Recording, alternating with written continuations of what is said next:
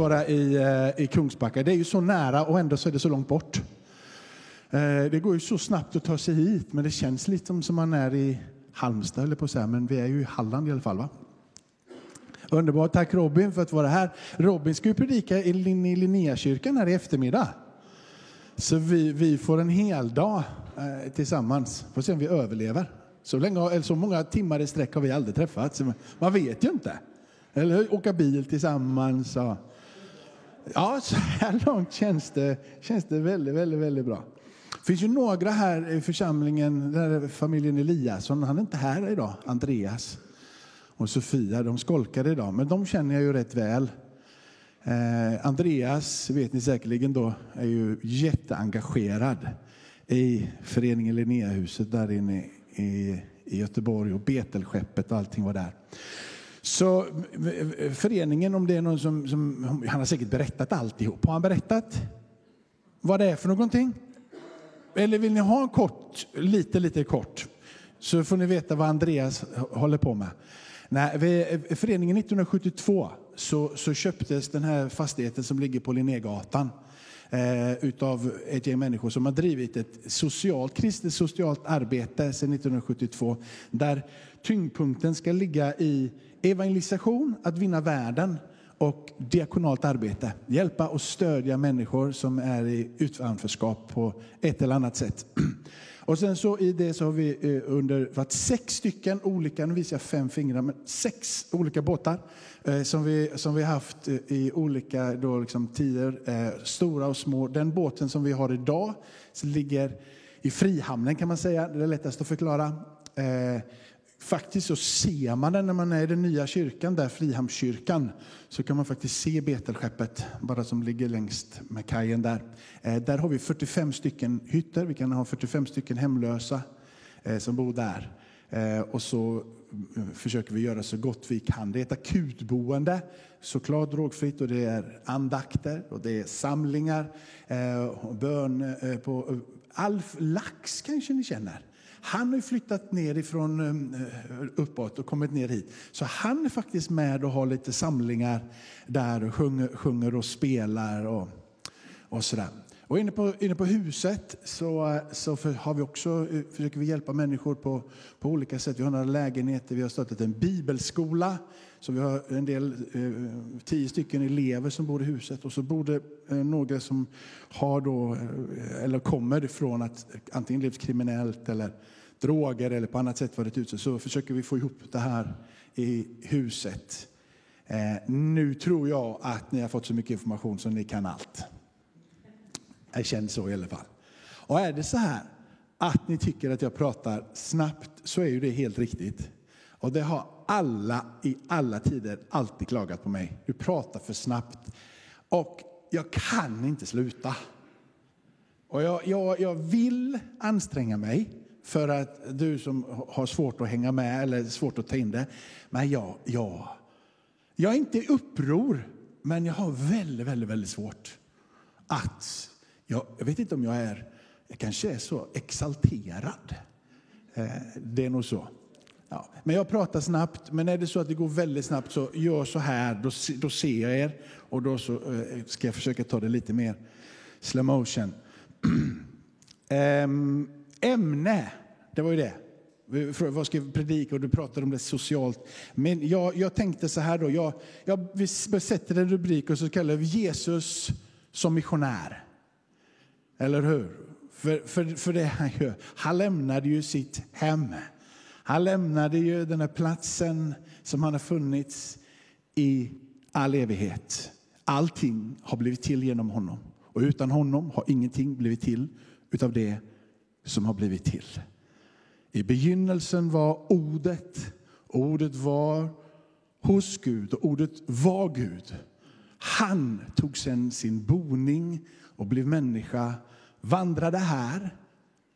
Han eh, gav oss det mest och ultimata exemplet på hur man ska leva som människa. Han ödmjukade sig och tog en människas gestalt. Och så vandrade han här. Han fick lida och han fick dö på ett kors. efter detta, när han uppstår, så får vi också vara med om en himmelsfärd. Jesus uppstod i en fysisk kropp, inte som en ande som vandrade omkring. Även om han kunde gå igenom en dörr så hade han en kropp som lärjungarna fick röra vid. Och de blev överbevisade om att han hade uppstått ifrån de döda. Sen står de där efter 40 dagar, den har kommit och gått och så reses han upp va? i luften, mitt framför ögonen på dem. Tyngdkraften, tyngdlagen kunde inte hålla emot honom utan mitt framför ögonen så får de se hur han tar sin färd uppåt. Och han, alltså det är fantastiskt, undrar hur, vad som hände i atmosfären när han bröt igenom där uppe. En otroligt märklig syn, men ack så viktig för din och min frälsning. Att han inte uppstod som en ande och vandrade som en vålnad, utan en fysisk person som idag sitter på Faderns högra sida och bor i ditt hjärta som vi sjöng här i sången. Och han lovar att en dag komma tillbaka. Denna missionär som lämnade sin trygga, harmoniska tillvaro. Han som hade levt och varit tillsammans ifrån evighet till evighet och ingen början och inget slut. I den perfekta harmonin tar sig an det uppdraget som var ämnat för honom och som han villigt gjorde allt efter Faderns suveräna plan. Så lämnar han himmelen och kommer ner hit och så börjar han vandra. Han börjar beröra människor. Och ett av de starkaste sakerna som händer när Jesus är närvarande, det är hans auktoritet i hans röst. Han talar inte som någon annan. Han beter sig inte som någon annan. När han talar så är orden så kraftfulla så ingen kan gå oberörd därifrån. När han tittar på någon så är det inte en blick som tittar rakt igenom för att på något sätt visa att jag vet allt och jag dömer dig. Utan det är en blick som ser rakt in och som gör att människan blir sedd på det allra djupaste sätt som man kan bli sedd. Personen som möter Jesus känner sig sedda och älskade. När Jesus talar så är det fullständigt med den klaraste auktoriteten som finns. Inte en auktoritet som förminskar höraren men med en auktoritet fylld med så mycket ömhet och så mycket kärlek att den som hör sitt namn talas ut av Jesus blir fullständigt tagen. En sån auktoritet i rösten. Att kärleken på något sätt bara omfamnar och gör att du känner dig sedd, trygg, varm, glad och säger jag vill ha mer. Den första missionären, Jesus som missionär. Ska vi ta och läsa en liten berättelse om Jesus? Den här, jag vet inte, kommer den upp här eller ska, ska vi läsa härifrån? Vi läser härifrån. Vilken översättning är det? ibland så är det lite skillnad på ord och så har man, har man ja, vi läser så ser vi om det, om det blir som jag hade tänkt. Det är ju fortfarande samma bibeltext. Jesus kom in i Jeriko. Och så vandrade han igenom staden. Där fanns det en man som hette Sackeus. Han var förman vid tullen och han var rik. Han ville se vem Jesus var, men kunde inte för folkets skull eftersom han var liten till växten. Då sprang han i förväg och så klättrade han upp i ett mullbärsfikonträd för att se honom. Eftersom Jesus, Jesus skulle komma den vägen. När Jesus kom till det stället så såg han upp och sa det till honom. Tänk att bli sedd. Sackeus, tänk att få sitt namn uttalat. Skynda dig ner. Jesus talar och ser och talar ut hans namn. Jag tror inte att han blir rädd. Skynda dig ner som en befallning. Jag tror att det är en auktoritet i rösten fylld med värme och med kärlek som lockar. En nyfikenhet på Sackeus insida som redan hade startat. För han var nyfiken på vem han var. När han nu blir sedd av han som han var nyfiken på att se och höra så tror jag att allting förändras för Sackeus fullständigt. Skynda dig ner, för idag så måste jag gästa ditt hem. Sackeus, han skyndade sig ner och tog emot honom med glädje. Alla som såg det, de mumlade förargat. Han tog in hos en syndare. Men Sackeus stod där och sade till Herren, hälften av vad jag har, det ger jag till de fattiga. Och har jag lurat någon på något så betalar jag fyrdubbelt igen. Och Jesus sade till honom, idag har frälsningen kommit till det här huset. För också han är en Abrahams son. Människosonen har inte kommit, har kommit för att söka upp och frälsa det som var förlorat. Det är en rätt stark berättelse. Om en kortväxt man som blir sedd och älskad, hörd och även får ta emot en gäst i sitt hem. Han kapitulerar inför den här gästen som kommer bli hans frälsare och som kommer bli hans herre. Han kapitulerar så till den graden att han är villig att bara öppna hela sin trygghet och överlämna den till honom. Hans trygghet stavas pengar. Hans trygghet stavas hus och villa och vad det nu må vara för någonting. Han kunde till och med tänka sig, på grund av att han hade tryggheten någon annanstans än sin identitet som jude, eller sin identitet av att vara en gudskännare. För han kommer och han är en Abrahams son direkt genom tro i den här texten. Men genom födslorätt så är han också ett Abrahams barn. Han tillhör det judiska folket. Men han har inte sin trygghet i det judiska folket. Han har inte sin trygghet hos Gud. Han har valt att ha den någon annanstans. Så pass mycket att det spelar ingen roll vad de andra sa om honom.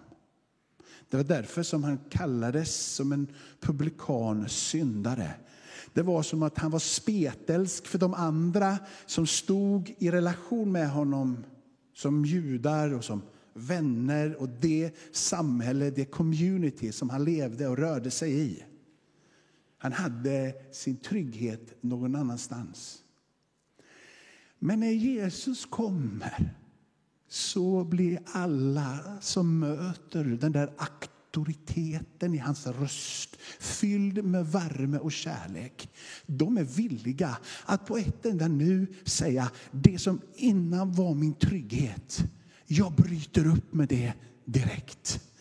Jag har funnit en trygghet, jag har funnit en plats som är så djup och som är så kraftfull så att jag behöver inte den tryggheten längre. Jag har fått ett nytt hem Jag har fått en ny borg. Jag har fått ett nytt skydd. Jag har fått en ny tillhörighet. Och jag är villig att säga, här är jag. Och när Jesus säger följ mig, så säger jag, jag kommer. Det är det som händer i den här texten. Att på ett enda nu vilja att släppa hela sin trygghet. Oj, vad vi behöver Jesus, hörni.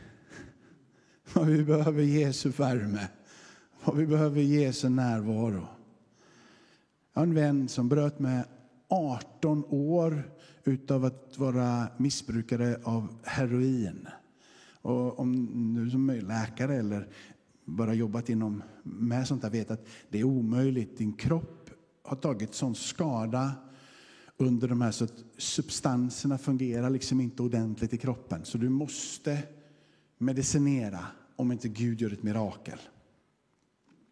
Den här mannen, Daniel Gullqvist, var på en samling och de satt och sjöng lovsång och de var inte många. De var några stycken. Och medan de sjunger lovsång så hör han namnet Daniel talas ut. Och i hans samling, de var bara några få, så var det en annan som hette Daniel. Så han trodde ju att det var på dem de pratade. Och han reflekterade inte så mycket, men så kommer det igen, Daniel. Och tredje gången som man hör Daniel så känner han hur hans hjärta öppnas. Och från den dagen så är han fullständigt förändrad. Tänk att bara få höra namnet Robin ifrån Mästaren.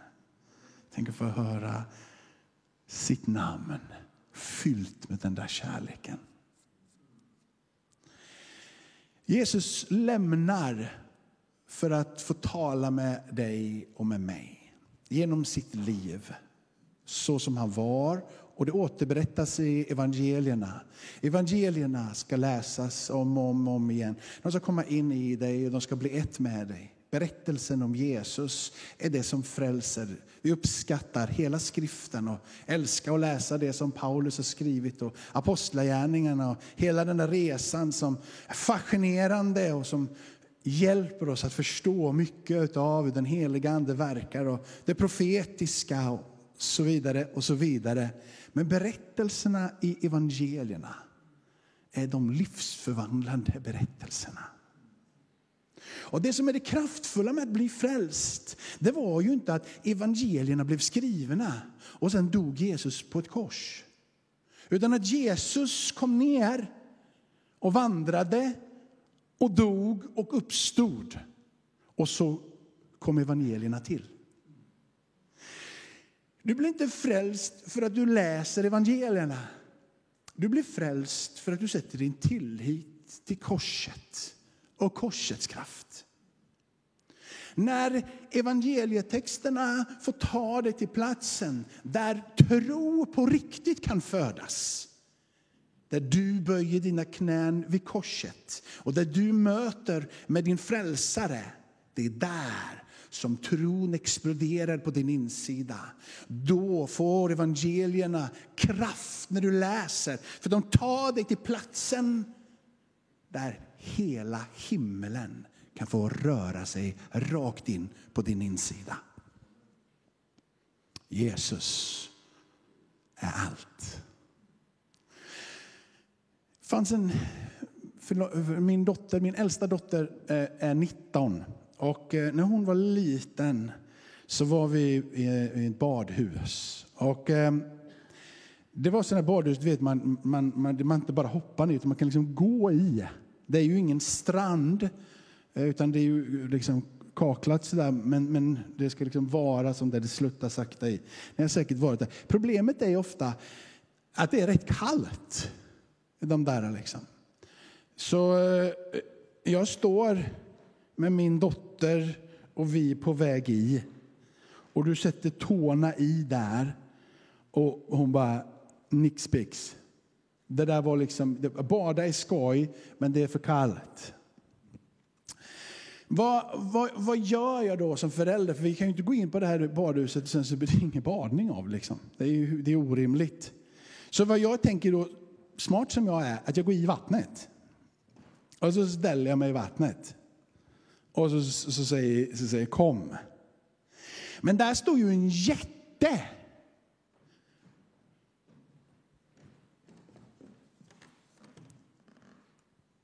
Eller Det står en jätte där. Jag har jättemycket kraft. Jag har jättemycket styrka.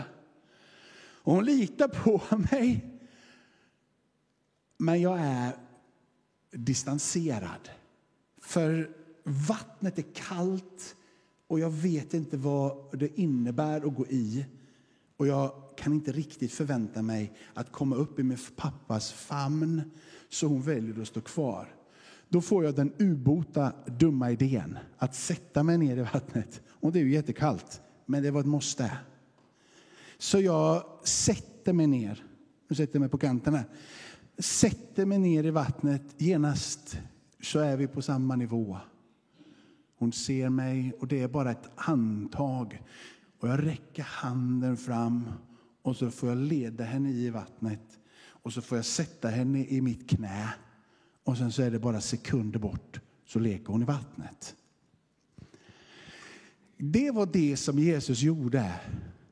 Han lämnade och han blev ett med oss och kom oss så nära och gav oss så mycket värme så alla vill komma till hans famn. Alla vill ha den värmen. Om vi ger möjlighet till de som finns runt omkring oss att förstå hur varm, hur kärleksfull han är. Tro är ingenting som kommer bara över dig. Tro är någonting som kommer på det sättet att Gud öppnar ditt hjärta och så tror du. Ingen kan komma till Fadern, ingen kan komma till platsen av frälsning annat än att hans nåd verkar både innan det har hänt, när det händer och resten av livet. Jesus död är en frälsning och räddning för det som har varit, det som är nu och det som skall komma. När vi i tro litar på honom och vänder oss till honom.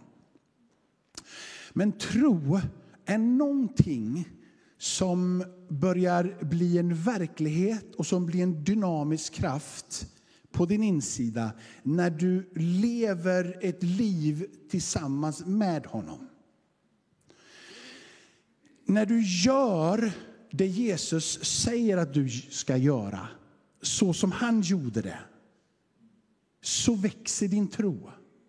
Tron är ett med ditt sätt att leva, handla, agera, vara med allt och med alla. Tron och det andliga liv som du har är inte separerat och skilt ifrån det som är din fysiska människa. Det finns ingen tro som är växande, som är stabil och som leder dig vidare distanserat ifrån människor. Vi är ämnade att röra oss och vara med varandra. Vi är skapade för relation med Gud och med varandra. Vi är inte bara skapade för relation, vi är beroende utav relation. Vi är ämnade för varandra. Eller? Djupet i ditt liv med Gud stavas relation, inte bara till Gud, men till de människor som man har satt dig att leva tillsammans med. När du rör dig i den riktningen som Gud säger, till exempel försoning, att förlåta, att hjälpa och upprätta varandra. När du lever och du gör det så växer din tro, för du gör det som han har gjort och som han gör. Ganska, ganska enkel matematik eller ekonomi. Det vill, det vill säga, när du då väljer att inte göra det som du är ämnat att göra leva i relation och leva i försoning så är det någonting som skaver och som gör dig lite, lite mer fattig i din relation till Gud. Jesus ger inte dig en enda instruktion att göra i form av moral och etik som inte han själv lever och gör.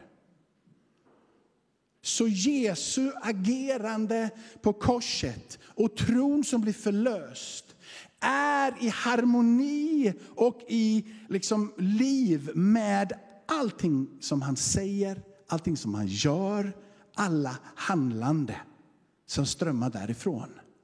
Så vill vi bli som Jesus så måste vi göra som Jesus. Vill vi gå djupare i vår relation så är det bönemöte jätteviktigt. Men om inte vi gör det han gör så kommer vi inte komma djupare i vår relation. Så vi behöver få det som är vår liksom, andliga nerv i bönemötet att komma i någon form av samklang med de handlingar som vi gör.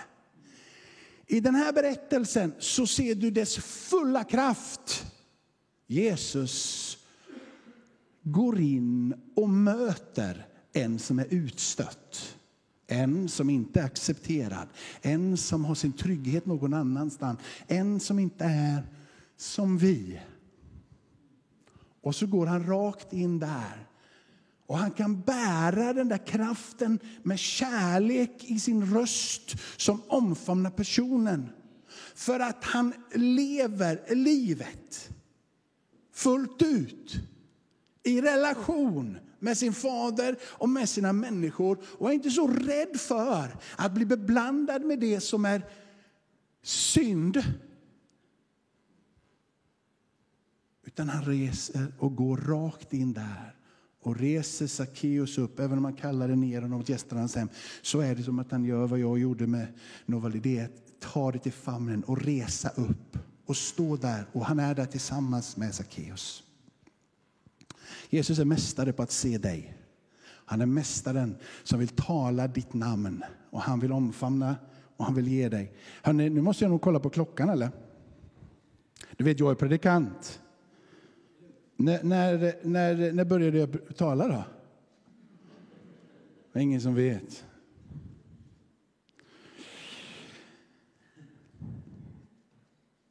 Det, svår, det svåra var, är ni flinka på, på, på slå upp en bibeltext som, man, eh, som inte har förberett innan?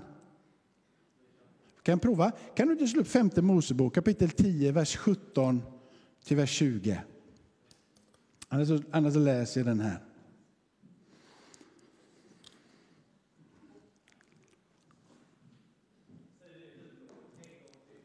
Femte Mosebok kapitel 10 och vers 17 till 20.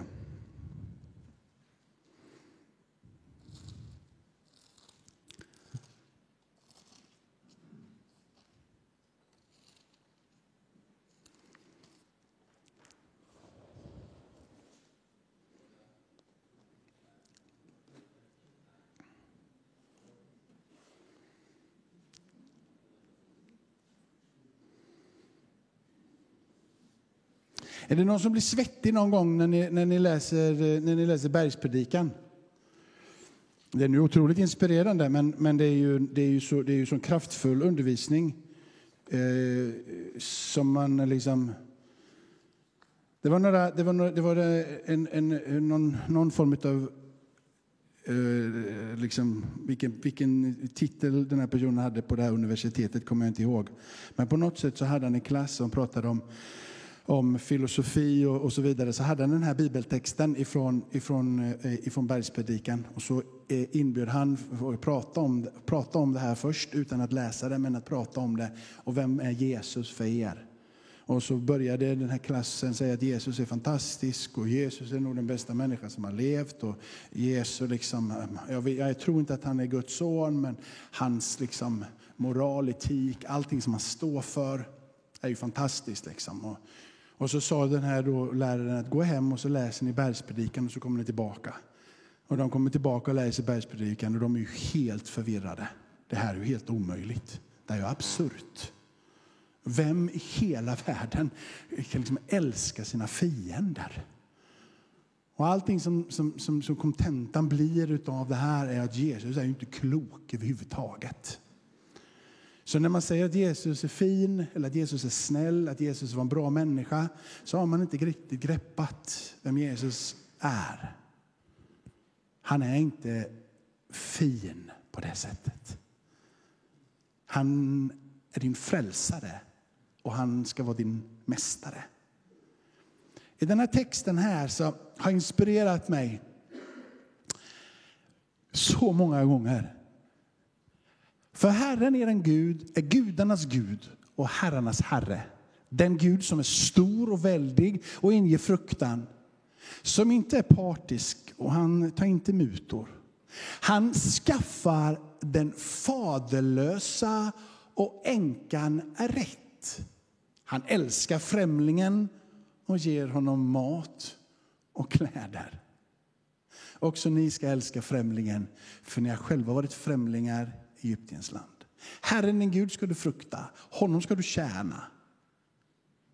Du vet, det där, jag är ju pingstvän i botten och det här är ju pingstkyrka. Det, den, den här delen här, liksom, det är ju det som jag har bakåt liksom, ja, gjort. Liksom. Eller bara, Herren, han fruktar dig och jag ska tjäna dig och du ska hålla dig till och i hans namn ska du avlägga ed. Han är din ära, han är din Gud. Med dig har han gjort de stora förunderliga gärningarna som du har sett med dina egna ögon. Så pratar han om Israel. Men det var när, när, du kan gå tillbaka nu. Min poäng är att det är lätt för dig och mig som frälsta och som är i en karismatisk församling.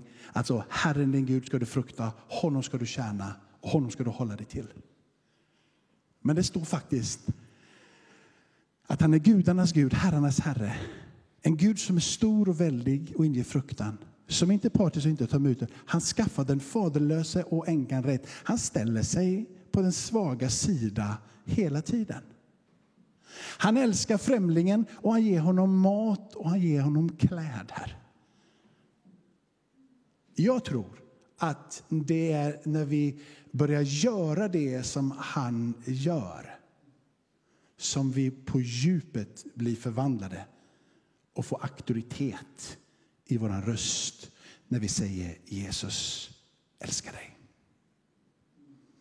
Det växer någonting av självklarhet när du pratar. Om du faktiskt gör det du säger. Rent om jag, man, man brukar säga att barn gör inte som man säger, utan de gör som man gör. Eller? Jag har hört det någon gång att de säger så i alla fall. Och sen så brukar ett ord som har varit med mig i många, många år, det är den att människor, people don't care how much you know until they know how much you care.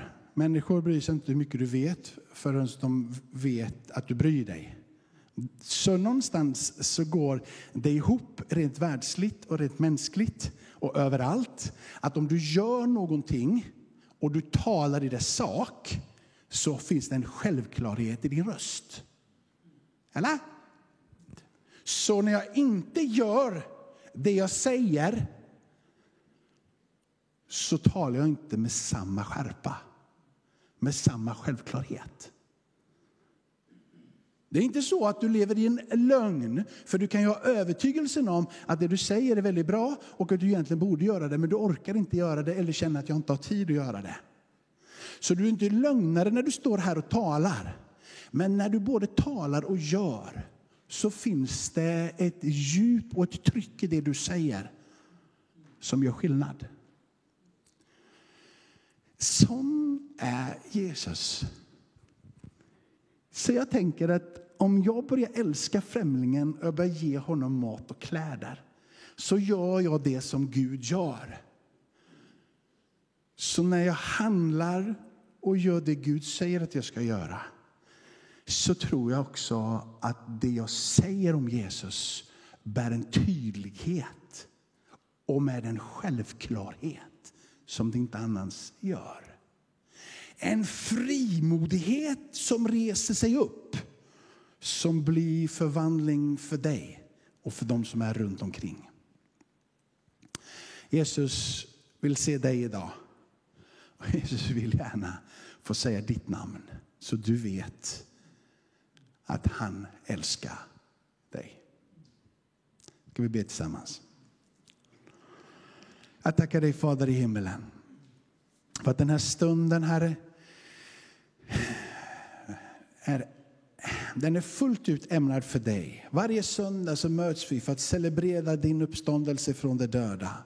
Och när vi varje söndag går mot avslutningen av våra gudstjänster så är vi redo att få ännu mer utav dig. Vi ber med för varandra, för vi inser det stora behovet utav din väldiga kraft över våra liv. Vi ber Herre att du ska bli större och vi ska bli mindre. Vi ber att din vilja ska ske Herre. Vi vill kapitulera inför dig och vi vill bara låta din heliga ande få svepa in i den här lokalen, greppa tag i våra liv och vi får igen säga vi har blivit fyllda med den heliga ande.